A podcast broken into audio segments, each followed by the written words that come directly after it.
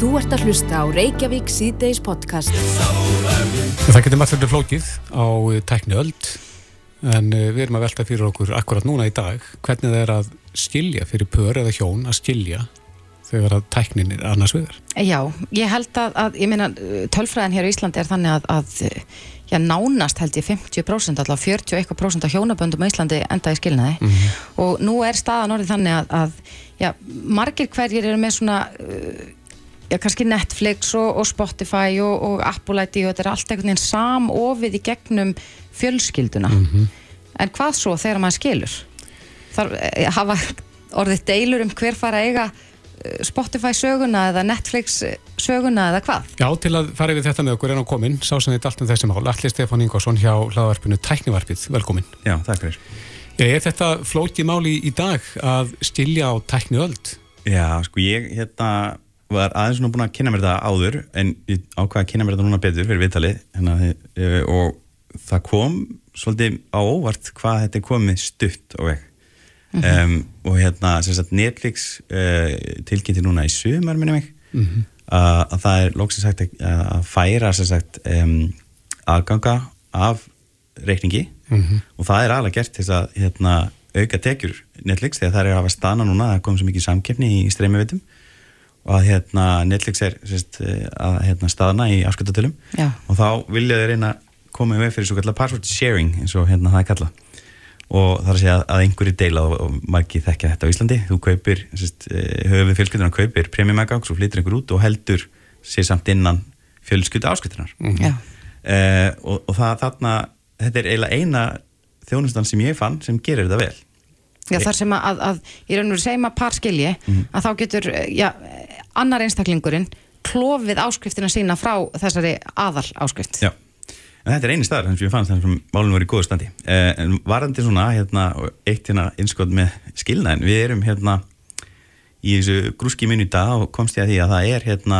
við erum um, við mjög lága tíni versus aðrar Európiður, við erum með Já. hérna bestu skilnaðatína í. Európi og engin, hérna, við fáum katalikar hér í dag allara uh, sem skilja aldrei Já. en góðir svona siðir uh, í þessu skipta líka miklu máli hvernig fólk haga sér og, og það að reyna til þess að koma í veg fyrir svona sameinlega aðganga er mjög sniðut að, að reyna að halda aðgangum aðskildum þegar það er í bóði er betri laust mm það er erfitt í þessum fjölskyldaáskatum uh, það sem svona þú farir henni meira virði í fjölskyldupakka heldur en að vera utan fjölskyldupakka.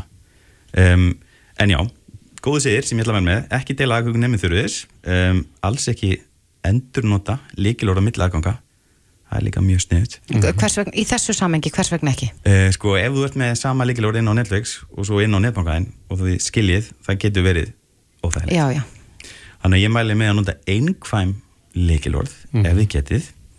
Um, og það í því samengi þá menni vil ég e- einnig nota tækifæri, ég er svona netörgismæður og ég bendi fólki hérna, ofta þetta og ég er búin að taka mína fullskyldi inn í þetta. Það er sérst að koma sér upp svo kallari líklakipu eða hérna líkilorðageimslu eins og sumi kalla það, ég kalla það líklakipu og þarna mæli ég með One Password og Daslin og það er, sem sagt- þetta eru þjónustur sem eru upp líka. Og hérna virka þannig að þú borgar mánalegt gjald, þetta er cirka kaffepotli á mánuði uh, þar sem þú fara að geima öll líkilorðin og getur líka búið til þessi einkvæmu líkilorð sem ég mæl með að nota. Þetta er flóknu. Já, þessi flóknu sem, eru, sem þú ert einfallega ekki að samnýta mm -hmm. Já, uh, en það er þjónustur sem ég fann sem gera e- eitthvað af þessu, þessar streymi veitur það eru, það er þetta Netflix, Netflix og það heitir uh, uh, Profile Transfer.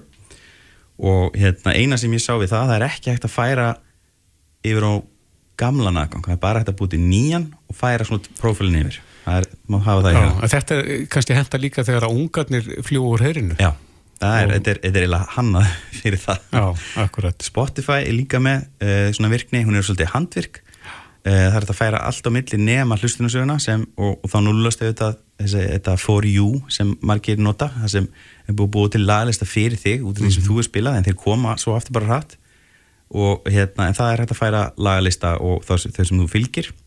Uh, og þetta er bara gert með því að, að gera alla lagalistana eina opinbera, eina public og svo flytja það á milli já þannig að maður, það, það, veist, þannig að ef að maður er í þessum sporum Mhm. að skilja að þá þarf maður svolítið að hafa fyrir þessu Já. greinilega miða við hvernig staðan er í dag þetta er mikið vinna og, og það þarf að líka velja sig hvað maður að kaupa aftur veist, og hvað maður að flytja uh, ég fór eiginlega svolítið svona dýbra en þessar streymiveitur og fór að svona kynna mér aðra þessu og um, það er til dæmis ný laust frá Apple sem ég kynnti mér sem heitir Safety Check uh, sem er bara nýkomin út og það er raunni sagt, aðskilur þig frá maka að fullu inn í þeirra vistkerfi. Og inn í vistkerfi Apple eru mjög viðkvæmar upplýsingar sem fólk getur deilt eins og staðsynning Já. uh, og þarna er búið að búa til ferli sem er mjög þægilegt til þess að búa til hennan aðskilnað á milli. Um, það er líka mjög sniðut að bara fara yfir alla aðganga sem eru viðkvæmir eins og tölvupóstar, samfélagsmiðlar og netbankar og skipta um líkilort þegar þú skilur. Um, það er líka hægt að fara og skrá öll tengd tæki sem er tengt við þitt skí eins og Google eða, eða Microsoft eða Apple og skráðu út þannig að þú vitir og svo skráður þú aftur einu af þau tæki sem þú veist að þú ert skráðið nú já, já, já, um, þannig að sumir eru til dæmis sem er samtengt að iPadin fær skilabóð sama tíma á símiðin. Já og bara myndir, þú tekur mynd á iPhone og þá, þá er það allt í einu bara komið í heimilistölvuna og jafnvel iPadin eh, og allt sem er tengt við þetta sama kerfi. Ég mynd þannig að já, ég myndi aftengja það og ég myndi aðskilja bankareikninga uh, helst komaður upp nýjum bankareikningi uh, og skiptum pinn á þeim sem er nú þegar til. Það er líka að fara inn í Find My hjá Apple til dæmis og aftengja Apple Pay kort Já. taka þau úr kerfinu. Það er mjög sniðt, en það gerist það sama og gerir sign out uh, from all devices, sem sagt skráður úr öllum tækjunum uh, oft er líka maki skráður sem svona varalið eða svona hérna neyðar hérna tengiliður það þarf að passa það Að breyta það. því. Já. og eiginlega allir svona allar leifinningar sem ég fann um tekniskilna, fyrsta skrifið er alltaf stofnaði nýtt póstólf og, og sagt kom til hlutanum hægt já bara reynilega að fá sér nýja e-mail adressu Já, já. Bara það er eiginlega langt hreinlegast ef þú vilt góðan skilnað. Að bara klára það uh, og búið bara til nýjan aðgang og stofna svo hægt rólega allt nýtt þar inn. Byrja bara nýtt uh, stafrænt líf. Og svo er eitt annað sem ég sá sem ég fannst mjög gott uh, ekki freistast sjálf í að njóstna um Nei. uh, það er eiginlega lang oftast í dag í svona skíalustnum og, og stafrænu lustum í dag er alltaf einhver papertrill, einhver slóð eftir því þegar þú byrjar að njóstna Já. þannig að myndi kemst upp með þig. Já, það kemst upp, ég myndi bara sleppa því Nei. já og þannig erum við nú kannski já, auðvitað er margir sem skilja og eiga bara mjög indalum og góðum samskiptum við fyrirhandi maka en, en, en það er kannski be betra að, að gera þetta rétt til þess að svona já, hefja nýtt líf. Mm Ég sjálfur fór í svo smá naflaskoðun og hérna, ég náttúrulega var enda við að segja öllum hérna sem er að hlusta að fá sér liklakipu mm inn í liklakipuna er eitt svona meistara líkilord, það er master password uh, það er engin sem fær það þegar ég deg ef ég fer- verð fyrir bílina í labba út þá er allt læst og ég er náttúrulega með fullt af einhverjum ásköndum sem kostar peninga og vissensku mörg að þessum þjónustum eru jú með ferli uh, þú þarft að, þú getur sér að fengi lokað á þjónustum sem hefur að greiða fyrir með því að sína danvator en að hafa líklórin er, er bara miklu einfaldara til þess að loka á svona aðganga. Og, hérna, og ég sem sagt, rakst á það að fólk elendis er að setja sem sagt, meistra líklórin sitt eða, eða svo kallan emergency kit sem er svona mm neyðapakki til þess að komast inn í svona dulkoða þjónustu eins og one password e, til löffrængs í svona vörslu. Já, Já, þannig ef að við komum til fellu frá að þá er einhver sem fær þetta master líkilorði í hendunar. einmitt, sem getur verið mjög þærleitt já, til þess að bara ganga frá Já. svona mörgum lausum endum uh, sem tengjast tækninni einmitt, þetta er, það er rosalega leiðilegt að þurfa að díla við, við hérna, missi og svo þetta á saman tíma Akkurat. Þetta er aðtekli verðt, Alli Stefán Ingvarsson hjá hlaðarpinu Tæknuvarpið. Eh, Þú ert búin að setja inn pistil einmitt um þessi mál fyrir þá sem eru kannski í þessum spórum Mhm. í dag og vilja kynna þessi máli nánar inn á síðan ykkar tæknuvarpið.is. Já, takk fyrir Þú ert að hlusta á Reykjavík C-Days podcast. Rétt eh, inn á df.is í gær, það sem sagði að Ólafur Steffensen, frangotastjóri félags atvinnurekanda, hann eh, segir að það förðulegt í raun að Ísland setja orðið tengt við Evrópu mm. gegnum sæstreng með rávorkukerfið. já, að við gætum þurft á því að halda í framtíðinni Já, að fá rávorku frá Evrópu hingað. mm Og til að ræða lagningu sæstrengs og hvort að þetta sé málið að við tengjum okkur við Evrópu, eru komnir hingað uh, Ólafur Steffensen og Sigmundur Davík Gunnlaugsson sem ég tel nú vera á móti slíkum streng, komið sælir. Sæl, rétt til getið. Og með sæl. Eh, Ef við byrjum með þér Ólafur, eh, svona rökin fyrir því að við ættum að vera tengt. Já, sko, byrjum kannski á því, þetta var nú ekki bara frétt á, á df.is, þetta var hérna, grein sem ég skrifaði á fréttablasins í framhald af umfjöllun þess blaðsum orku skort á Íslandi mm -hmm. og litlar framkvæmdur í orkumálum. Hefur mjög lítið gerst í nýju ár og, og nýju orkuöfna verkefni verið aldrei í, í först ofan í hérna, skotgröfum ra, um ramma áallunar, eða deilina um ramma áallun. Mm -hmm. Og ég sagði, grein var ég að segja þrengt. Í fyrsta lagi þá þurfum við að stór auka orkuöflun eh, fyrir stækkandi hérna, þjóð, fyrir vaksandi atvinnulíf og fyrir sjálfsögðu fyrir orkusskiptin. Og það er stór mál fyrir atvinnulífi að það sé til nóg af endur nýjanlegri orku. Í öðru lagi sagði ég við þurfum að stór bæta raforku kerfið innanlands. Þetta er þannig í dag að, að kerfið eru svo gamalt og úr sig gengið og liðlegt mm -hmm.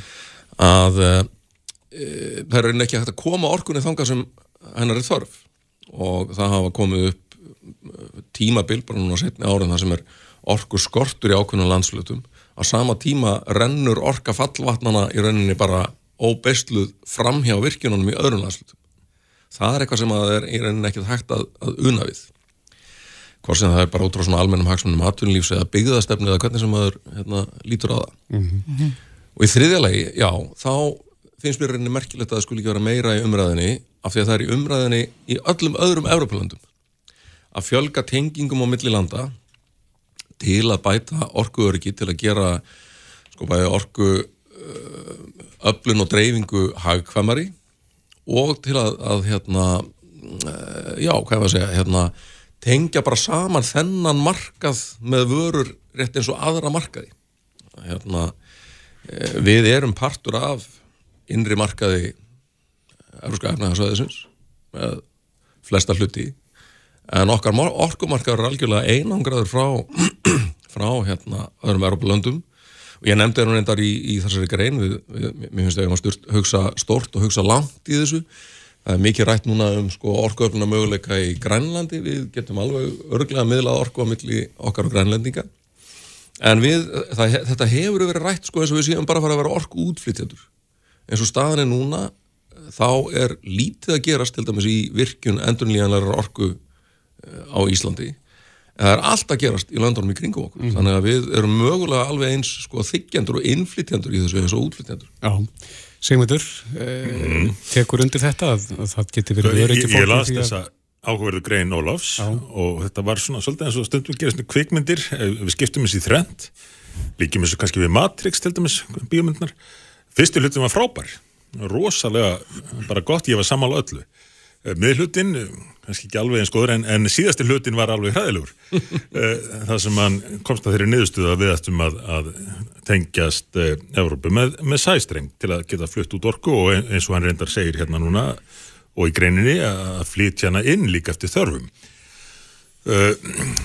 Þetta er einhvað sem var mikið í umræði í tengslum við þriði orkubakkanu þetta og manni fannst að blasa við hvert stemdi og hvert menn, menn vildu fara með orkustefnum landsins en það að tengjast með sæstreng hefði að mínum að því för með sér uh, gríðarlega skerðingu á tækifærum okkar og þar, þar með og ekki hvað síst sjálfstæði landsins því að orkumál eru fullveldismál fyrir Íslandika ég get tekið fullkomlega undir með Ólafum að við þurfum að framleiða mér orku og það er búin að vera í gangi algjör vannraksla á því sviði. Við þurfum meiri framleiðsla á enduníanleir orku og það eru tækifæri næg en menn hafi ekki þórað að gera það. En ef við tengjumst Evrópu og verðum hlut af evróska markanum þá munum við ekki hafa stjórn á þessu málaflokki lengur og þá munum við ekki vera í aðstöð til þess eins og við höfum þó geta gert hérna íslendingar og, og skipta okkur miklu máli að, að vera með, með orku á viðránlegu verði fyrir fyrirtæki og almenning eh, sérstaklega við munum lenda inn í verð samkeppnin í Evrópu sem er gjörsamlega farin úr böndunum að því að Evrópa er búin að klúðura sínum orkumálum og af hverju ættum við að vilja beintengja okkur við það klúður og, og fyrir vikið jafnvel tífalda orkuverð almennings á Íslandi. Mér finnst það algjörlega galin hugmynd. Ég semst er ekki alltaf rálutunum en, en Ólafur af atbörður ás síðustu missera og, og ára. Evrópa er búin að görsamlega klúður á sínum orkumálum og við höfum ekki að tengja okkur inn í það klúður. En þú hérna, þegar þú varst fórsettisræðara semundur, þá, þá skrifaður hún upp á yfirlýsingum með David Cameron sem kom inn til að heimsækja þig um að kanna möguleika á lækningu sæstrengs milli Íslands og Bretlands, reyndar með þessum fyrirvara um orkuverðið. En varstu þá ekki að minna með því? Já, takk fyrir að minna með þetta. Ég hefði nefnilega hugsað mér að nefna þetta sjálfur af því að stundum hafa menn reynda að hérna, vísa í þetta e, e, því að á þessum fundi sem var opinfundur í haldin í Alþingisúsinu þá e, félst ég á það að, að við myndum kanna e, kosti þessa og létt fylgja sögunni og sagði við David Cameron og fjölmeðluna ég efast ekki um að niðurstaðan úr þessari aðtúin verður svo að það hendi ekki Íslendingum að tengjast uh, Evrópu með sæstreng. Þannig ég leita á þetta sem tækifæri til þess að sína fram á það sem að mér finnst vera augljóst að ef að einhver land vil viðhalda og, verja sitt uh, orku öryggi, sem er núrið stór, stórmál núna, og mögulegan á því að bjóð upp á orku á hafkvæmi verði innanlands, þá er það Ísland. Og uh, ég hef ekki séð neitt sem að, sem að uh, kemur í vekk fyrir þá að mínum að þetta augljósu álugtum. Nei, en Ólafur, hann talar um að þetta sé já, reynilega Já. bara fullveldismál fyrir Ísland Já, og, og að við já, munum kannski e- finna mikið fyrir því hvað verðin var þar. Sko, fyrst þetta kannski þetta með verðið. Jú, það getur verið að, að hérna, orkuverð hækki ef Ísland tengist euróskum markaði. Það myndi þá vantanlega skila sér í hérna, gífurlegum hagnaði íslenskra orkufyrirtækja sem að fengju hérna, miklu hærra verð fyrir sína orku heldur en við fá í dag. Er það slæmt? Ég held ekki. Þe- Þetta eru fyrirtæki sem eru að langstærstum hluta í opimbri eigu. Það er tiltölulega auðvelt að endur dreifa þeim hagnaði til almennings og eða fyrirtækja með, já, það geta verið einhverjar orku innegnir, það geta verið skattalækkanir. Eh, Það er þetta að finna ýmsar eh, sko, hliðar á því. Ég meina, tökum bara hliðstæðina, hérna, orka er bara vara á markaði. Eh, Fiskur líka vara á markaði. Hvort ekki að kemur úr auðlindum sem við eigum. Íslensk heimili nota cirka 5% af orku sem er framleitt á Íslandi þau borða cirka 2% af fiskinum sem er framleitt á Íslandi ef fiskunni væri bara til sölu á Íslandi þá væri hann á alveg ábáslega lágu verði ef það væri ekki hægt að flytja hann út. Uh, það að það sé hægt að flytja hann út og við getum fengið markvælt meira verð fyrir hann er það slæmt fyrir Ísland? Þó að fiskverði fyrir íslensk heimili hækki? Nei, ég held ekki, vegna þess að það er gott fyrir þjóðarhag. Uh, í öðru lagi og tengt já, sjálfstæðismál, já uh, ég get tekið undir það en ég held að sé sjálfstæðismál að vera tengt vera í þessu öryggi aftur segi ég, orkaði vara á markaði. Uh, á sínum tíma þegar að Ísland hérna, var að berjast fyrir sínu sjálfstæði þá var litið að það sem mikið sjálfstæðis og fullveldismál að við ættum okkar einn skipaflota til að flytja út vörur, til að flytja inn vörur. Uh, að við værum ekki öðrum háðum það og að, að flutningar til landsins og frá landinu veru greiðir. Og það er bara alveg eins með þessa vöru á markaði sem er orkan. Við viljum vera hluti af stærri markaði. Stærri markaðir eru hagkvamari við viljum eiga möguleika á að flytja út að flytja inn ef við þurfum. Ég hef ekki heyrt ne neitt tala um að það að væri sniðugt að, að, að hætta kaupsiklingum og það væri gríðalegt sjálfstæðismál að við værum bara hér að, að framlega svona það sem við getum og, og hérna lifa því. En segmyndur, þessi rauk uh, þjóðan hagur að uh, þjóðin fengi, fengi meira fyrir þessa vöru, ef við lítum á ramag sem vöru. Og o- orka er undirstaða allsins, undirstaða allarar framleiðslu og lífsgæða líka fyrir almenning að geta fengið orku á, á viðránlegu verði. Og við höfum bara séð þróunin á mörkuðum í Evrópu núna, meiri sér í Noregi, þar sem orkuverði í sumum landslutum hefur tífaldast. Og jafnvel áður en að stríði í Úkræn hófst vegna sem henn hafa ekki haft stjórn á, á, á sínum orkumarkaði. Og svo nefna menn svona hlutum að búa til einhverja vendingar um að við getum selt þetta fyrir svo mikinn pening ef við flytjum þetta út. En trúir því einhver að það muni skila sér til íslensks almennings, til heimilana, til fyrirtækjan út á landi sem að eh, sum hver eru í, í orkufrekum yðnaði eða óttast menn ekki eins og ég geri að þetta muni fara í hýtina. Nú er verið að kynna fjárlög sem að setja nýtt met, nýtt allra tíma met í útgelda aukningu hvort sem er hlutvarslega eða í, í rauntölum á Íslandi. Og það veit engin í hvað þetta er að fara. Er heilbreyðstjónastan betri? Nei, greinileg ekki. uh, þessir, þessir hend út um gluggan í einhverja borgarlínu til þess að tefja fyrir umferðinni hérna fyrir utan gluggan hjá okkur og, og í, í Reykjavík allir og, og ég það kemur ekki óvart að menn óttuðist það að ef að menn ætlaði að fara græða, við Íslendingar ætlaði að fara að græða því að flytja út þessu orku og fá pening fyrir það að það myndi ekki skila sér til landsmanna og allra síst til þeirra tekjulæri sem að þó njóta þess núna að eh, þess jöfnuðar sem felst í því að uh, vera með orku og viðrænlegu verði sama á við um landsbyðina uh, að hafa orku á, á viðrænlegu verði og geta haldið úti uh, stórum uh, atvinnurekstri á landsbyðinni þetta stjórnmöldum er ekki treystandi til að viðhalda þessu Það er það, bara, að gera er, er það bara yfirleitt nokkuð treystandi? Svo við tökum aftur Nei, nei, nei, dæmi, dæmi með fiskin stjórnmöldum er yfirleitt ekki treystandi nema, þegar ég er í ríkistofn en, það sem að þarf er ef við tökum bara verðmættasköpun sjávaróttur sem undanfærin segjum bara 100 ár fyrir 100 árum var ábyggilega einhver til dæmis einhver staðar til sveita sem hafði bara enga trú að þessu. Já, já, að væri, hægt að, að reysa Íslands efnahagslíf á því að handla með fisk nei, nei, nei, en hefur það nú ekki bara skilað sér ágætlega? Það hefur skilað sér ágætlega en, en reyndar er greinin nú kannski ekki svo, svo vinsalesta kannski sérstaklega vegna þess hvað henni hefur gengið vel. En, en það sem þarf er uh, að laga flutningskerfið á Íslandi og virka meira og það er ég saman á Ólafi, við þurfum að virka meira við þurfum miklu meira orku. Stjórnvöld kynntu einhver áform um uh, orkuskipti.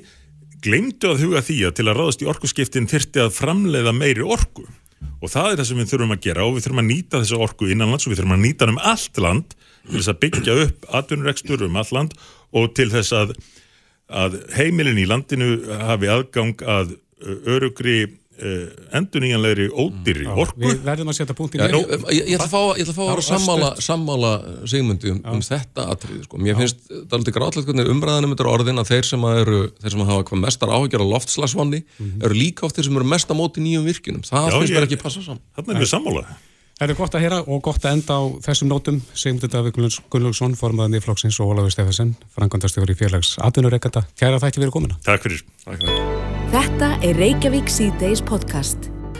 Já, já, við höldum áfram í Reykjavík síðdeis. Um, við vorum áttum svolítið skemmtilt samtal í gær, ég og þú, Kristoffer og Lilja Katrín.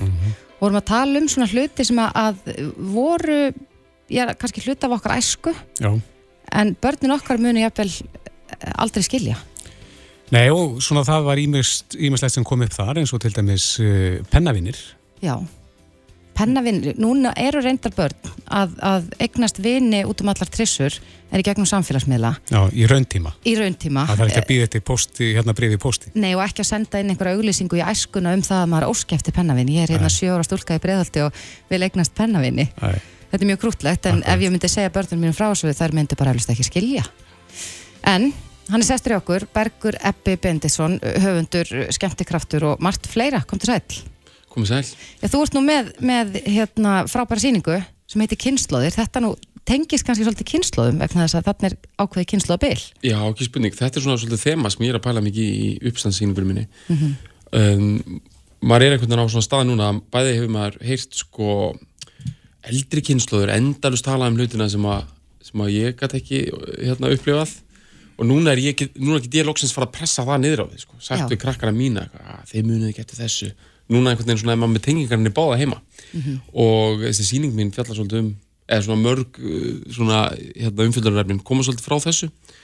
En ég held að þetta sé mér þess að frekar íkt á Íslandi sko, ennþá íktar heldur en við annar staðar, það er allt annar reynsluheimur sem að við höfum heldur en fóreldrar okkar. Nú er ég að tala svona um okkur svona kannski verandi svolítið sömu kynnslóð uh, út af því að við vorum við, bara Ísland yðinvættist rosalega seint. Ég er ofta að hugsa það sko, pappi minn sem að fættur kannski, mið, já, fættur um miða síðustu öld hann borðaði ekkert sama mat og ég þegar ég var krakki, hann leik sér ekki sem með leikfengunum hann fór, sá ekki sambarlegt eh, afþreyingarefni í sjónvarpið eða bíó og svo framvegis.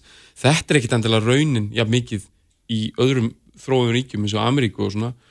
Þú veist, foreldrar hérna, fólk sem minni kynnslóð það drakk líka kók og borðaði seriós og, og sá Flintstones í sjónvarpinu, skiljiði, þú veist. Þannig að þetta er hans yktara jafn hjá okkur. Já. og við erum svona oft mjög nýjungangjöld hérna á Íslandi og, og, hérna, og það verða oft svona mjög skörp skil það sem líka einhver eitt hlutur kannski kemur inn rosalega stert og ég veit ég er að taka bara svona alveg tilvörun að kenna dæmi hérna en þess að ég var krakki og fannst mér rosa margir vera að æfa karate bara karate komin inn, svona upp á 1980 og sko endur svo allir í karate.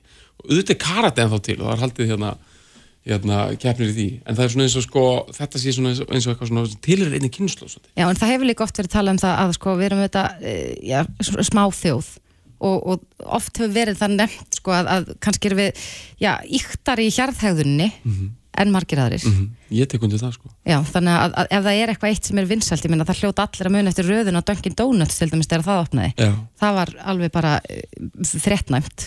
og mér dettur líka í hug og að þið nef- nefnið þarna pennavinni og svoleið sko uh, var það ekki líka eitthvað svona ákveð æði sem gekk yfir á, á ákveðinu tíma það sem þú vildir eignast pennavinni í útlöndum og, og líka keðjubref og svoleiðis Já. Keðibrefur auðvitað ekki kannski ennþá í gangi í pósti en þau, maður vissulega sér þau dukku upp í, í posthólfin á netinu. Já, heldur betur. Og, og pennavinir og þetta náttúrulega lifi góðu lífi bara einhvern veginn á rafræðan hátt búið að þróast sko. Þannig að mikið af þessum breytingum er bara út af tækni hlutir hafa svona strömlinulagast og, og breyst. En ef við förum í hina áttina það er að segja fram í tíman er við að missa við ykkur sem að börnin okkar Alveg öruglega og það er, er nú að merkilega með, með svona vitneskjum hans að það sem að maður veit ekki, veit maður ekki. Veitir hvað við, þú veist, maður veit ekki hvað maður veit ekki. Þannig að ég er að hugsa um það að um, sko, maður er búin að vera fylgjast með samfélagsmiðlum uh, með aðgang á Facebook fyrst og svo kannski Twitter og svo kemur alltaf eitthvað nýtt og á einhverju tíðanpúti þá svona að því þetta fasast virðist út á kannski einhverjum árum Twitter, það verður að tala um það að Twitter svona, sé svona að fara einhverja læð núna og loknast út af þá nennir maður kannski ekki að byrja upp á nýtt. Og, og maður ætla bara að snúsa næsta. Þú veist, og nú er TikTok kannski svona að miðlina sem svona einhverju spennandi hlutur eru að gerast. Á maður að fara að búa til profíl, á maður að fara að setja sig inn í þetta. Að því maður veit að eftir einhver ár þá verður komið eitthvað nýtt. Ég sá að Dolly Parton var að fara á TikTok. Jú, já, já, algjörlega, þeir sem þetta hafa metnað og vilja ná til fólks, þeir eru það sem að hlutinir er í gangi, en ég held að svona ákveður tíumpunkti þá svona mun fólk svona svolítið, að ég held mér bara við Facebook held mér við þetta. Og áður um veist að þá byrja að koma hlutir sem að þú bara þú veist, bara yngri kynsluður taka við og halda kynslurum gangandi í Já, sem við munum bara, eh, reynum kannski ekki einu svona að skilja. ég held að Já. ég er með hérna, dæmi í sýningunum minni sem er hérna, það hljómar alveg ótrúlega langsótt sko, en hérna, afi minn hérna, hann, hann borðaði eh, banana sko, en hann kallaði aldrei banana sko. hann, hérna, hann ha- lagði aldrei á sig að læra það nafn, eins einfalt og það er sko. hvað sagði hann? hann var alltaf að tala um einhver, einhver gul einhver, einhver lengjur, gular lengjur og einhver bjúöld og eitthvað svona Það er eiginlega flokknara. Já, ég er nefnilega viss um að bananinn minn, hann er komin inn í mitt líf. Það er komin einhver hlutur, TikTok er svona næstuð þannig að þetta er þarna eitthvað litla snjall forröndi þarna sem eru minnskið og maður þarf einhvern veginn að svæpa fram og tilbaka, þú veist, það sem ég svona finnst þess að sé einhvern veginn fyrir neða mína virðingu. er þetta mótþrói? Já, eitthvað mótróði sko, að þetta hefur ekkert bara að gera með að við getum ekki skilja þetta, hefur eitthvað að gera með það þegar fólk er búið að upplifa ákveði marga hluti, þá bara finnst því svona svo að sé fyrir neðan sína vinningu kannski að taka inn eitthvað nýttir í vitunduna, þetta á við marga og ég sjálfur alveg meðtalinn. Já, en er þetta ekki líka kannski svolítið það að, já, jafnvel þegar maður eldist, að þá finnum maður bara svona meiri, vonandi flestir, meiri svona næjusemi. Að við bara svona, jú, það nægir mér bara að vera hérna ennþá á Snapchat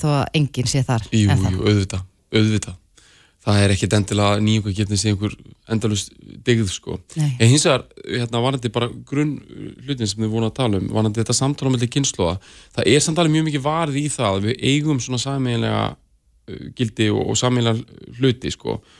og, og það er, það getur verið svolítið svona vofeflegt, sko, þegar að kynnslóður eru í, lifa í mismunandi heimum, nota mismunandi miðla og út af því að samtala mellir kynnslóða til þess að koma þekkingu og reynslu á milli og búa líka bara til já, bara eitthvað aktivt samtal og, og kærleika og, og, og einhverju samhigð það er svo ótrúlega mikilvægt. Og þetta hefur alveg gerst. Og uh, kannski frægasta dæmi er þessi margumtala 60 þessi vikvöldin 68 kynslu babyboomerar í, ennskumælandi löndum það er oft sagt að sko gildismat þeirra kynsluðar og reynsluheimur þetta er svona kynsluðin sem skapaði hippana og hippa kynsluðuna og svo leiðis var svo allt öðruvísi heldur en kynsluðarinnar á undan. Og, og það er oft svona súmira saman í það dæmi að sko Jim Morrison sem var svona aðal svona einn af aðal uh, fór, uh, hetjónum í þessari kynsluð pappi hans var, var hérna herfóringi í ameríska eða þess að hann var hérna admirall í ameríska sjóhernum skildi ekki hvað sonu sinn var að hugsa. Fannst hann mishefnaður Já. fannst hann bara lúser? En hann er bara nánast þjóðhetja í dag. Já, og hérna, og bara, og, og, og því að þessi maður, sko, pappi Jim Morrison, Admiral Douglas, eða hvað, hérna, Morrison segi, hann hérna eh, lifði mjög lengi og e- bara fram á, á vittan einhvern veginn með henni 60 minutes, honum fannst bara, hann, bara, sónu sinn, við erum bara einhver, náðungi sem bara alveg, fór alveg út á spórinu og bara gerði ekki margt að viti. Nei. Þannig að samtala milli kynslu er mikilvægt. Þannig að ég ætti kannski bara að setjast niður með börnunum mín og fara að tala um keðjubrefin og, og serviettusafni mitt og, og allar Vaffa S-bólutnar og vítjulegunar. Ég held að bara yngri kynsluðar hefur gaman að heyra það, á okkur marki. Já, Og kenna eldra fólkinu líka, kannski nýju. Það er ekkert ja, hérna, svona gaman eins og sjá sko svona þegar batnabötur að kenna hérna, umum og öfum á iPada og svoleiðis þú veist, sjá svoleiðis svona viðleitni sko sem er náttúrulega viðgengst mikið. En við erum mjög þakklátt á að koma yngar í dag að spjalla um þetta við okkur og það stendur mikið til í kvöld, ekki satt?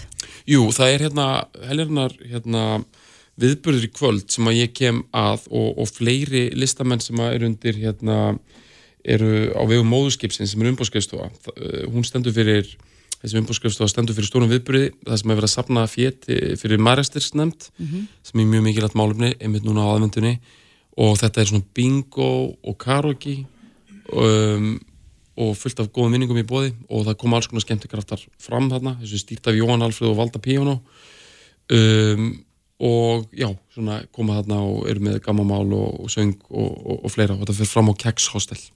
Gekkja og getur hver sem er komið að sungja og tekið það til bingo. Já, það er bara málið. Og fullt af vinningum. Ég skilst að sé þannig að maður kaupi með það að sé bara sko ég ætla nú ekki að lofa neinu hérna en svona nánast í annað hvert spjald að gefa sko, þetta er víst, það gekk svo vel að safna fólk vil, e, alls konar fólk og fyrirtæki sem hefur lagt hérna máluminu lið líka með því að gefa vinninga þannig að það gekk vist mjög vel, þannig að þetta er svona það eru heitir sælar hérna í kekshástil í kvöld. Já, þetta gefur. Bergur Eppi, kæra þætti fyrir komuna, gaman að fá þig. Takk fyrir mig. Reykjavík síðdeis á bylgjunni. Þetta er Reykjavík síðdeis podcast. Nú er aðvendan í fullum gangi. Ég rakst á fréttin í gær og fyrirsögn er þessi jól versta útgafa hugsanleg fyrir launa þrælinn. Já, þetta eru atvinnur rekanda jól, svo kvölduð. Algjörlega, en nú hefur uh, hafa þingmenn Pírata lagt fram frumvarp og þar kemur fram að- ef að lögbundin frídag ber upp á laugardegi eða sunnudegi á frídagurinn að færast yfir á næsta virka dag. Ég held að það sé nú margir sem að, að uh, Takk undir þetta. taka undir þetta. Já. Við fáum náttúrulega lítið frí þessi jólin. En, En hann er sestur hjá okkur, Björn Levi Gunnarsson, þingmaður Pírata. Kom til sæl. Já, þetta er, er eitthvað sem að maður hefur nú oft heyr, heyrst áður og jafnvel heyrst að týðkist í öðrum löndum eða hvað? Jú, hérna, ég var alltaf að upplifa þetta svona reglulega síðan ég var krakki að það kom alltaf upp svona lungjól eða, eða stuttjól einhvern veginn og bara skrítið að sé ekki svona jafnvægi í þessu. Þannig að uh, fyrst að maður er í svona í þessari stöðu og þá klórar sem maður sér í haustum og bara, herruðu, kannski getur við bara breytt þessu og leggur þá fram frumvarp. Og þetta er mismunandi eh, í mismunandi löndum. Uh, í Bretlandi að þá eru svona svo kallar bank holidays ef, að- ef það kemur upp um helgar um, svíjar með öðru sér stundum eins og þegar við erum með frí á 50 dögum þá er fólk stundum að fá frí de- deginum á milli. Í Luxemburg var ég að heyra að sem sagt eh, ef að frídag kemur upp um helgi þá fær fólk í raun auka frídag sem getur útlitað bara eins og það vill. Það bara bætist við auka sumafrístagur eða eitthvað svo leiðis Þannig að það er alltaf gangur á hvernig svona framkvæmdina á er gert en almennt séð er alveg að, að sjá sangirnina í því að þegar að svona, þessir flakkandi frídagar lenda á öðrum frítegi að við erum ekki að missa hann. Já. heldur þessi stemning fyrir þess á þingi? Ég kemur mér á orð eða það var eitthvað ekki einhver stemning, kannski ekki nákvæmlega fyrir þessari útgáfu en kannski einhver annar útgáfu, kannski lúsemburgusku útgáfunni eða svensku útgáfunni eða eitthvað svo leiðis. Þannig að við byrjum allavega á þessu, þetta er svona kannski mjög einföld bara útgáfa á því að, að komið vekk fyrir að frítæga lendi á öðrum frítægum og svo sjáum við hvernig umsagnir koma og, og bara hvernig fólk er í stemningu fyrir þessu. Já, en, en þessi til að hún gengur upp, ef, ef við til dæmis tökum bara jólin núna sem dæmi, Já. aðfangadagur er á, er á laugardegi og, og jóladagur á sunnudegi og svo er annar jólum á mándegi. Já, Myndum við þá fá frí þriði dag og miðvikudag. Þriðudag og miðugdag. Já, og svo var ég sem sagt mánundagur og þriðudag líka út á gamlastegi og uh, nýjastegi og viðbót við þetta er að við erum að leggja þannig líka niður að þessi einhver skrítin svona hálfur dagur á aðfangadag og, og gamlastag. Já. Það sé ekki frí, frá klokkan eitt heldur bara, mm. ég, við erum ekki með þetta vesen, bara all, allur dagurinn. Já, sum fyrirtæki hafa reynda farið þá leið eins og þetta fyrirtæki hér sín að gefa starfsfólkjunni sínu tvo auka frítaga Já. Eins og fyrir um þessi jól. Mm Það er mjög, mjög vel gert. Og svo er, er nú líka hefð fyrir því einhverjum fyrirtækjum að, að, þó að, að það sé vinnu skilda til klukkan eitt að þá er nú kannski fæstir á kontortum. Mikið rétt. Það, ég hef unnið í leikskóla sem að það eru koma afar fáir krakkar og þá fá svona kannski flestir starfsmenn frí en einhverju kann taka, kannski vaktina fyrir hádegi. En hvaðan heldur að mesta andstaða muni koma við þetta frumvarp? Ég bara hef ekki hugmynd, allavega ekki núna þingi, að koma ekki svona frá atvinnurekenda samfélaginu, atvinnurekenda jól, eh, ég veit ekki hversu mikil gaggrínin myndi vera, kannski varðandi útfærslur, kannski er þetta of margir dagar, þar sem að í þessu, þessar útfærslu verður páskanir til dæmis líka, þeir eru að koma þarna þá upp á sundegi og myndi þá farast yfir á frítegur yfir þriðu daga, það er að bætast við þá dagur þar, Þegar, þar sem að sko annar í páskum er þannig séð frítegur fyrir páskadaginn, en hérna það, það bara kemur þá í ljós hversu, hversu mikið vil hafa. Ég myndi vilja til dæmis bæta líka meira þess að við enn fleiri frítögum til að vera svona uh, aðeins, aðeins með meiri lo- lobbyism hvað það, það varðar. Ég myndi vilja sjá frídag svona í einhvern tímann í loka oktober og einhvern tímann í februar svona til hans að brúa bylið. Ég bara svona upp á fjörið. Nei, ekki bara það. Það er, það er, er ekkert frí frá sko vestlunum að helgi að jólum. Já. Það er bara svona dimmustu, við erum að, að dimma og svona þá og svo aftur er henni frá áramótum svona fram að páskumissar og einhverju uppstingadagar og sliðis og milli en, svona aðeins til þess að dreifa þessu betur yfir árið. En hvað getur þetta orðið margir daga mest svona meða við ykkar útvæslu? Ég bara taldi það ekki. Það er ágætt sábending. En, en hefur þetta ekkert verið, verið kannað að einhver leiti, sko, hvernig bara stemningin í þjóðfélaginu er fyrir þessu? Ég, ég held nú kannski að, svona, að flestir, uh, flest vinnandi fólk Mér- nú ekki endur að slá hendur á móti því. Nei, allavega miða við svona þá umræðu sem að maður hefur orðið var við þegar að svona jól gerast og þá er fólk ekkit rosalega ánægt með það. -hmm. Þannig að ég kemur á óvart að fólk veri eitthvað, eitthvað mjög sagt órest með, með svona breytingar en eins og ég segi, nákvæmlega hvaða útvæslu við, við myndum enda og ég held að við þurfum öruglega að huga að þessu. Þetta er vandamál. Já, en, er þetta eitthvað sem að á að taka upp í kjaraviðræðin eða er þetta eitthvað sem að lágjafinn þarf að staðfesta? Eh, getur alveg verið hvort tveggja sko og ég var til dæmis með lögum styttingu vinnuvikunar hérna á svona uh, árum áður það var sendt ríkir ríkistjóðan fyrir ekki svo lengur síðan og það er komið að, aðeins inn í kæra samningana núna, styttingu vinnuviku en þetta er svona hvort tveggja, maður er að byrja umræðina fá umsagnir svo finnur fólk út úr því kannski í svona samræðum hvar væri best að gera þetta mér finnst þetta vera tóldi löggjafa þetta er svona ákveðið réttlætismál í rauninni og þá verkefliðsrefingin á að þurfa að krýja út einhverja, veist, þessa frítaga aftur einhvern veginn, bara því að lendum helgar til, í staðum fyrir eitthvað í kæraviðræðum. Þannig að mér veist allavega að þessi hluti, svona svo sanngirni að þegar að frítagur lendir á frítagi, að það alþingja bara ágreða það. Akkurat. Já, en það er mikið búið í gangi nýra þingi og þi- þið farið nú í jólafrí, ekki satt? Jú, jú, jú, alltaf langt. Allt og langt jólafrí, heppin með það, en, en nú er... en mikið að gera móti, svo sem. Já, já, au- auðvitað. Og nú er mikil umræðu um, um uh, fjárlögin. Já. Ég svona, hef átt velti fyrir mig hvernig það er að vera sko, í stjórnaranstöðu á svona tímum. það er mjög undarlegt, mjög mismunandi. Uh, mjög mismunandi hvað er, hvað er að gerast. Núna eru til dæmis rauninni að býða eftir því að, að sko ríkistöldin klári á hverðin mál. Þessi svo kallagi bandormur hann er ekki alveg tilbúin ennþá. Þannig að þó að sagt eh, all, hérna þó allir væri tilbúinni til þess að, klára að fara í, í jólafríi þá bara eru, erum við það ekki. Það vantar upp á að, að afgreða nöðsynlega mál sem við erum þá bara að býða eftir og fyrst að það eru miklar umræður í, í fjárlögunum að þá hendar það bara ríkistöldinni ágætlega því að þá hvort þið bara meiri tíma. Annars ef við varum búið með fjárlögu umræðina þá var kannski ekkit mikið annað að ræða því að það er ofsalega fá mál sem eru frá ríkistöldinni núna. Það er einhvern veginn rosalega lítil pressa á, á þessi þetta svona þingli miður áður. Anna mál sem hefur svolítið verið umræðinu í sérstaklega í dag og í gær, það er leigumarkaðurinn Já. Við erum einmitt að spyrja um það í viðhóskonun, hvort að það er að setja neyðalög sem að hefur verið kallað eftir. Hvar stendur þú í þeirri umræðu?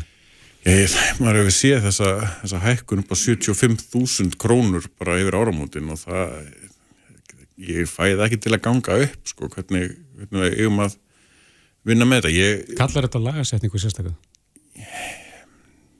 ég veit það ekki. Al- Almennt séð myndi ég segja að það var ekkert svo ósniðu hugmynd en, en hvort að þarf einhver og hvernig útfærsla á einhverju neyðalögum væri bara ég, næði ekki alveg að svona átta mig á því. Og ég- man eftir því þegar ég var að lega hérna einhvern tímann í gamla daga þá ætlaði leigusalega að setja sko, svona verðtryggingar dót í leigusamningin ég er náttúrulega bara hristu hausinn, nei. Fáránlegt að það sé að uppfærast um hver mánamót einhvern veginn upp á því en þetta er farin að verða viðtæk venja núna. Mér finnst það svo skrítið. Er, við erum að gera eitthvað bara mjög rámt varðandi húsnæðismarkaðin hérna. Og, þetta er orðina einhverjum svona bara fyr- fyrir, fyrir, fyrir suma. Bara hvernig verður legum í næstu mánamót og veist, hvað þá núna áramótin? Akkurat. Að við þurfum að gera eitthvað. Já, við fylgjumst áfram með þessu og það verður spennandi að sjá hvort að, að já, við fáum fleiri frídag næst þegar jólin verða svona eins og í ár en Krosslengum fingur, Björn Levi Gunnarsson, þingmaður Pírata Kæra þakki fyrir komuna. Takk fyrir. Reykjavík síðdeis á Bilginni podcast. Það er ótt að segja að það við skapast miklar umræður um leigumarkaðin núna undanfarnar daga og vikur. Já, við höfum auðvitað heilt talað um ofbóðslar hækkanir á leiguverði. Sérstaklega hefur verið tekin út fyrir svega uh, leigufélagið Alma. En uh, í gær töluðum við við hann Guðmund Hrafn Artgrímsson sem er uh, formaður samtaka leigjenda á Íslandi Já. og hann var ansi harð orður í gær Já, harðorður út í þingmenn og sagði að stjórnmálamenn væri ekki nógu harðir eða, eða létu sér þetta fátum finnast hvernig staðan væri á þessum markaði hjá þessum stóra hópi. Í dag tjáði fjármálaráð þeirra sig um máli og hann sagði að þessi umdelda hækkun á, á leiguverði hjá Ölmu væri óforsvaranleg. Já, En hún er sest hjá okkur, Kristrún Frostadóttir, formaður samfélkingarnar. Komdu sæl. Komið sæl. Já, þið hefði lengi talað fyrir leigubremsu. Hefði það komið vekk fyrir þetta ástand sem að, uh, ríkir núna? Já, við teljum að þetta hefði komið vekk fyrir þetta ástand. Uh, leigubremsa er til þess fallið að koma í vekk fyrir í rauninu óraugstutar hækkanir og óhoflegar hækkanir. Það er ekki endilega það sama á leiguþak. Þetta er leið sem að meðal hans er verið að fara núna í Danmörku uh, og ég vil vekja aðtekla á því að sko, þetta er gert uh, í Danmörku þrátt fyrir að að hlutfall húsnæðis sem er félagslegt þar er í kringum 20% af, húsnæðismarkanum á meðan hér er það 5% en þrátt fyrir að þau eru í rauninni með 20% markan nú þegar í ofinberi stýringu þá sáu þessu knúna vegna efnaðis ástandsins til þess að fara inn með þessa legubremsu og hugmyndin er þá svo að þú þurfir að raukstiðja hækkanir, þú getur ekki farið umfram, langt umfram eðlert verðlag. Og ég held að þarna þegar sem við erum að sjá 75.000 króna hækkun og við höfum séð þetta við annar staðar 50, 60, 70 króna hækkanir það áma mjög erfitt að sjá að það sé raukstunningur á baku þetta hitt er síðan annað mál að sko leigubremsa eru þetta einhverju liti sko neyðarúræði sem þú grípur til þegar þú ert búin að missa stjórnamarkan með yfir höfuð. Og við höfum fyrst og fremst verið að tala fyrir úrræðum í samfélkingunni sem að bara auka uppbyggingu félagslegs húsnæðis. Og það sem fór kannski fyrir brjósti að mér, að mér því ég lusta á fjármálaráð þeirra í morgun er að hann tala með þeim hætti að það sé búið að skapast eitthvað ástand hér sem að hann sé bara svona uh, almennur maður í fylgist bara með á hliðarlínunni. Þegar staðrindin er svo að við erum að fara núna inn í næsta ár með fjárlög sem eru núna í, í, í umræðu í þinginu samin af fjármálaráð þeirra þar sem er til að mynda er að skera, vera að skera niður í fjárheimildir til uppbyggingar á félagslegu húsnæði. en eftir að segja Kristún að, að þetta dæmi sem við heyrum af hjá Ölmu uh, félaginu að það sé tilkomið og svo ástæðan, ástæða sé ástandið sem að stjórnvöld hafa skapað. Absolút, það er bara þannig. Frá því að verkamannabústæðikerfi var lagt niður sín tíma upp á aldamótunum, þá hefur ekkert heilstift félagslegt kerfi komið á móti. Og nú erum við ekki bara að tala um fólk sem að fellur undir félagslegar íbúið sveitafélaga, heldur líka bara að vera með almennar íbúður á markanum, sem að líka millitekju fólk getur farið í, láttekju fólk, millitekju fólk, fólk sem er á svona fyrstu árum sínum á íbúðamarkanum og getur verið að borga hagkama leigu í takt við bara hefðbundan og eðla ráðstöðunatekjur og það var farið að stað fyrir nokkrum árum síðar í að byggja upp það sem er kallað svona mjög ólýsandi nafni, myndi ég segja, almenna íbúðakerfið sem er í rauninni svona, ó, eh, svona haugkvæmt húsnæði, óhagnæðdrifið, en það verður alltof lítið fjármagn farið í þetta. Og hugmyndina bak við það er að ríkið veiti ákveði fjárframlag á móti kemur þá sveitafélaginn og getur veitt lóða á annarkvart ókeppis eða á lágu verði. Og saman á eigi sér stað uppbygging sem heldur byggingakostnaði niðri. Það er líka hægt að sækja um hagkvæmt lán hjá húsnæðis og, og, og mannverkjastofnun til að byggja þetta. Og þessa hagkvæmi byggingu er síðan fleitt út í hagkvæmari leigu til fólks. Og þannig kemur hefur ofinberðar inn og er svona akkeri og festa á markanum og það er engin að tala um að hefur ofinberðar að taka yfir allan markaðin en eins og ég var að segja við, við ykkur einn áðan 5% hérna á landi með við 20% í Svíþjóð, í Danmörku, í löndunum í kringum okkur og ef við værum með þetta ofinbera akkari sem að myndi sína svona eðlulegt verð þá var ég erfiðara fyrir svona legufélag, prívat legufélag að koma inn og stunda svona leik á fólk vegna þess að það væri bara einfallega samkeppni sem myndi halda þarna móti. Steyður þú neyðalög eins og kallaður eftir á þingi? Ég, það er þetta að kalla það sem fólk vil í raun. Mm -hmm. Ég meina við fórum fram með ákveðin svona húsnæðispakka strax í haus þar sem við töluðum fyrir aukningu í vakstabótakerfinu fyrir þá sem að sérst, eiga húsnæði og er upplegað mikla vakstarhækkanir núna. Um, og síðan töluðum við meðlans fyrir legubremsu við vorum að kynna bara kjarapakka núna fyrir tveimtugum síðan þar sem við vorum að sína á spilin varandi hvað væri hægt að gera strax um áramótun öðruvísi í fjárlögunum. Þau skilja búið að heyrast oft frá ríkistjórninni að stjórnarnatsaðan kom inn með óraun hefa tillegur eða við ætlum að fara að taka eitthvað nefn yfir ríkið sko en við síndum bara að það væri farið í ákveðna fjármagnar aðgerðir til að mynda þegar kemur að hækkum fjármastekjuskatts, bankaskatts, veiðugjöld þá væri þetta fjármagna herri húsalegubætur það væri þetta fjármagna herri vakstabætur og það væri hægt að setja meiri pening í uppbyggingu og oknaðriðs húsnæðis. En hvað er þetta að gera strax? Að segja, þetta sem þú nefnir, það tekur náttúrulega lengri tímir það ekki að fyrir áhrifin að þeim aðgerðum að koma fram. En hvað er þetta að gera núna fyrir það fólk sem er í erfið, erfiðri stöðu á þessu marka í dag? Sko það er þetta alveg rétt að uppbygging húsnæðis tekur tíma. Þannig að þessi til að við erum með, með, tvöfalda framlögu uppbyggingu fyrir eitthvað helminga þau eins og er að gerast núna í fjarlögunum. Ég ítrykka þessi fjármálar á þeirra segir í morgunum að þau sé að standa sína plikt. Það bara stendst ekki rauk af því að hann er nýbúin að mæla fyrir fjárlagfrumvarpi sem sínir niðurskur í þessum málum. Það sem er hins vegar hægt að gera strax til þess að hjálpa fólki með greiðslur er að það er hægt að hækka hús, húsalegubætur. Ríkistjóðin talar um að þau hefur hækka húsalegubætur á árinu en ég vil vekja aðtikli því samengi að þessar bætur þær verða mest í kringum svona 40.000 krónur á mánuði. Og þá þarf þetta að uppfylla mjög mörg skilirði þær hafðu staðið óhreyfðar frá 2017 eða 18 á þessu tímabili hækkaði leiguverð þátt í 40% og þau voru fyrst núna að hækka þetta um 10% þetta er 4.000 kalla mánuði skilji, þetta er ekki neitt neitt Það er kannski droppi í hafið með að við þessar hækkanir sem við erum að sjá um, um ja, 75.000 krónur, 60.000 krónur á mánuði. Já það er það sem er oft svo villandi í þessari umræð að það er verið að slá um sig með einhverjum prósenduhækkunum eða einhverjum tölum um bætur þegar þessa, þessi bótakerfi er ekki orðið neitt neitt. Það sama á við um vakstabætur fyrir þá sem eru að upplifa vakstahækkanir að af því að það er ekki búið uppfæra kerfið í mörg ár þá sjáum við að þrátt fyrir þessa mikla hækkun vaksta og meðal heimilið finnir nú alveg fyrir því þá er ríkisjóðar að borga minna út á næsta ári fyrir hérna vakstabætur en það var á þessu ári.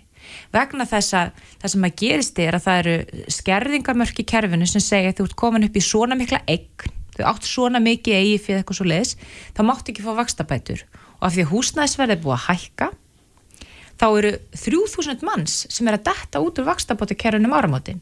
En þetta fólk það auðvitað getur ekkert greitt sko reikningana sína með eigi fyrir húsnaðinu það setur bara í eigg sem eru hækkað í verði. Mm -hmm. þannig að við erum með kerfi sem eru óuppfærð og því miður er það bara þannig að stjórnaldur frekar að draga lappinir en að bæta í akkurat núna.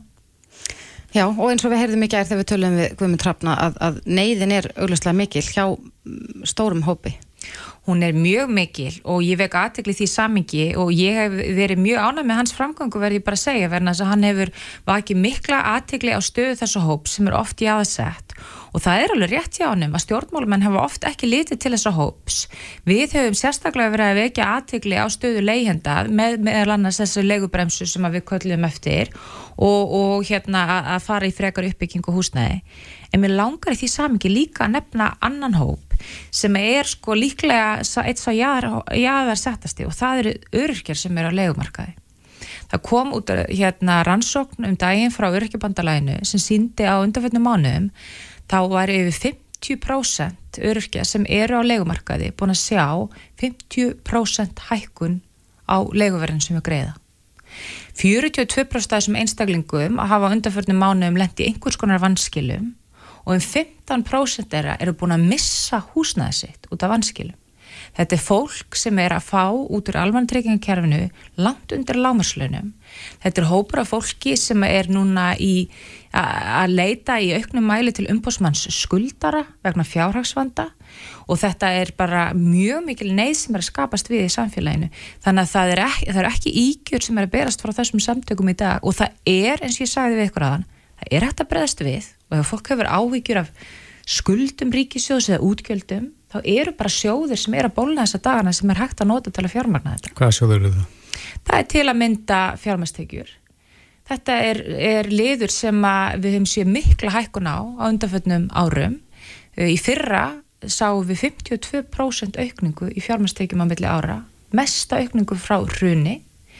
Þessa auk, þessi aukning fer bara til efstu tíundarinnar í landinu og ef við skoðum allar tölur til að mynda um ráðstöfun að teki fólk sem er nú oft vittna til að þráttur að það hefur orðið örlitir mingun, nei, hérna aukning við það þá er það þannig út af þessari hækkuna fjármastekjum þá sá efsta tíundin tvöfalt meiri í rauninni ráðstöfun að teki bata en restin af fjóðinni þannig að það er að sapnast mjög viða í degra sjóði á meðan að það eru aðrið sem er að lenda í verulegum vandræðum og við hefum líka nefnt í því samingi stöðu sérstaklega stærstu fyrirtækina í sjávarútvegi sem hefur verið mjög sterk á þessu ári út af bara með tækkunum þegar kemur sjávarafriðum mm -hmm. og svo er það bankarnir.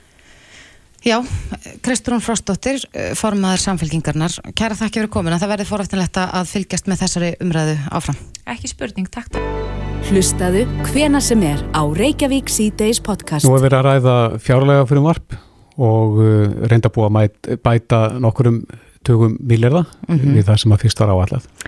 Já, sem er gott að blessað.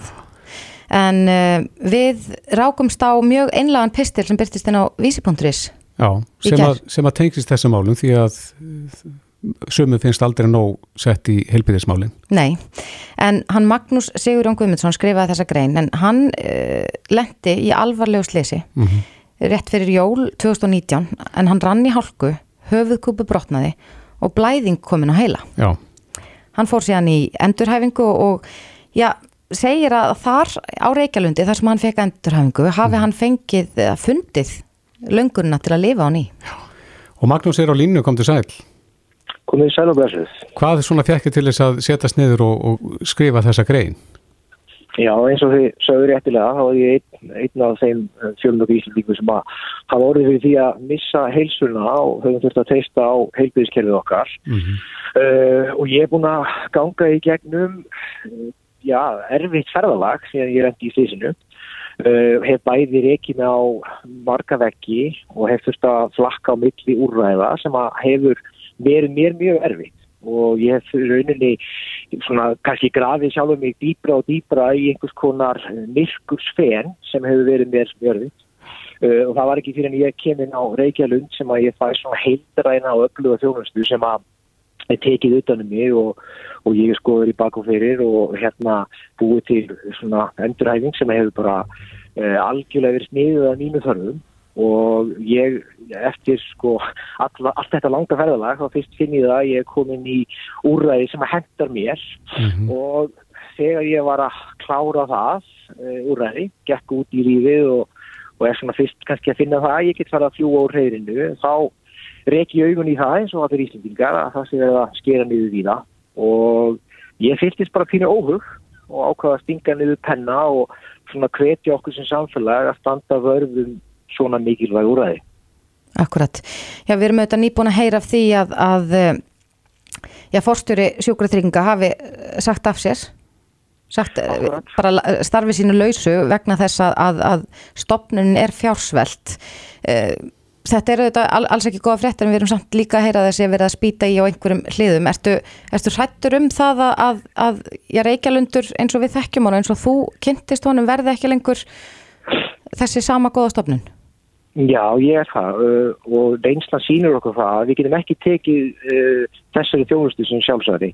Það er stutt síðan að stafsmenn Reykjavílundar skrifuði mjög uh, harðort bref þar sem sögðu fyrir því að sjúkartökingu Íslands hafi sagt upp einhliða uh, sammingi við það sendur að hengast við Reykjavílundar uh, og það var bara fælt niður með einu pennastriki og núna þegar maður sér það sé verið að skera niður æskulistaf hjá Reykjavíkuborg og hafa verið að skera niður uh, sér úrvæði fyrir umlinga þá fannst mér bara mjög mikilvægt að, að spilla frá bakka og benda á það að við verðum að standa vörðum uh, sko heilbríðþjónustuna og alls ekki draga úr, heldur frekar bæta í vegna þess að sjálfsögðir úrræðin mörg og fjölbreytt og það henda ekki öllum en þetta úrræði sem ég gekk í gegnum hefur algjör sérstuð. Mm. Fyrsta úrræði í mínum þryggja ára bata ferðalagi sem ég fæ þjónustu sem að er ekki verið að reyna að rúma einhverju af og sparka mér út heldur verið að taka utanum mig og klæðskera þjónustuna uh, að mínu förðum ég þarf langtíma úrræði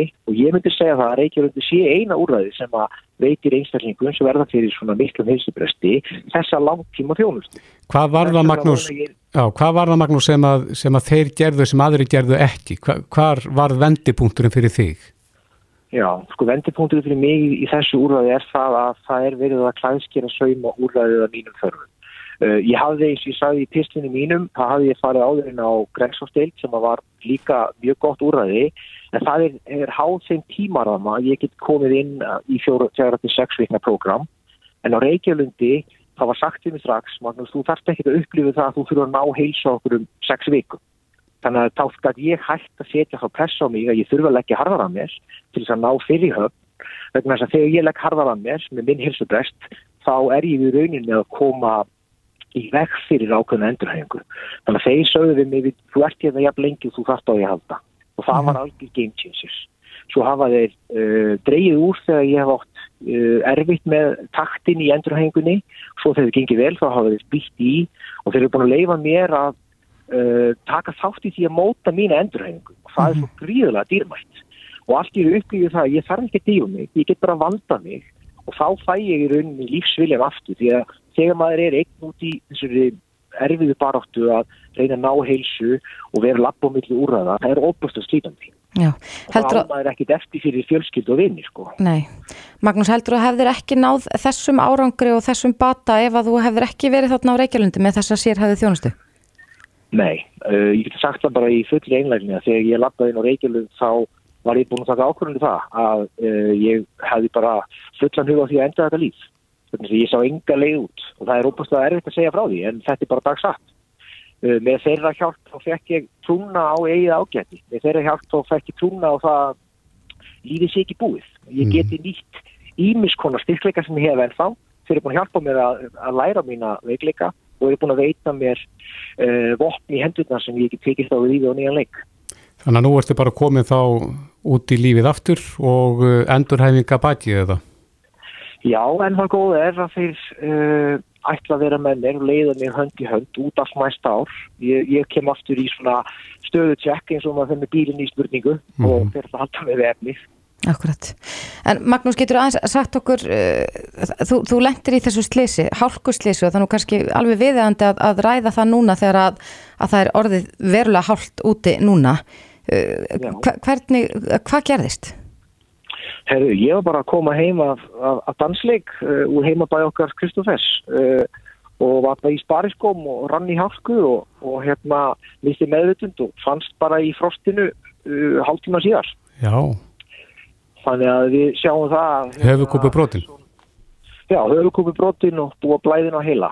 Og í rauninni þá sjáum við það hvað er mikilvægt að, að fara okkur e, valega í, í þessu, þessu hálku. Því að þetta er, getur verið graf alvarlegt ef maður fær svona blæðinguna heila. Hugsið ykkur, þremur árum síðan er ég ennþá að díla við eftir köstin á, á byrtu mm -hmm. Akkurat. Rétt í lokin, vegna þess að margir kannast nú við þig sem Maggi Peran og, og já. já, voru það ekki eitthvað 8 8.000 manns eða eitthvað sem að fylgdust með þér á snatt hérna sínum tíma hvers vegna Maggi Peran, ég hef oft velt þessu fyrir mér Sko, auðvelda svari var að segja það að ég var vaksin eins og pera. Uh, en það var, það var í lígi. Pappi minn var bara kallaði Guðmundur Peran í vinnunni sem hann var að vinna. Því að hann uh, var að vinna vinnustag sem héttu margi Guðmundur og hann vann við það að sjóða í perustefnu og skipum. Þá þótti bara fínt að kalla Maggi, nei Guðmundur Peran. Og uh, fyrir vikið þá hérna, heyrðu vinnum minni þetta og var stórkostið að fyndið að kalla mig Maggi Pera, væntilega vegna því að ég var vaksin eins og eins og ávöxturinn Pera. Já, þannig að þetta er ná- nánast orðið ættarnafna eða hvað Já, algjörlega. E, og börnum mín eru kölluð Pera líka. Þannig að við, hérna, fylgir mér fram í eiliðuna. Já, þetta er skemmtilegt. Já, við náttúrulega bara uh, óskum þess að þú fáir fullan bata þúsund takk. og þurfur ekki að fara oft inn á Reykjalund í, í viðbót. En Magnús Sigurjón Guðmundsson, Maggi Peran, kæra þakki fyrir spjallið og gangið þið vel. Sumleiðis, takk, takk.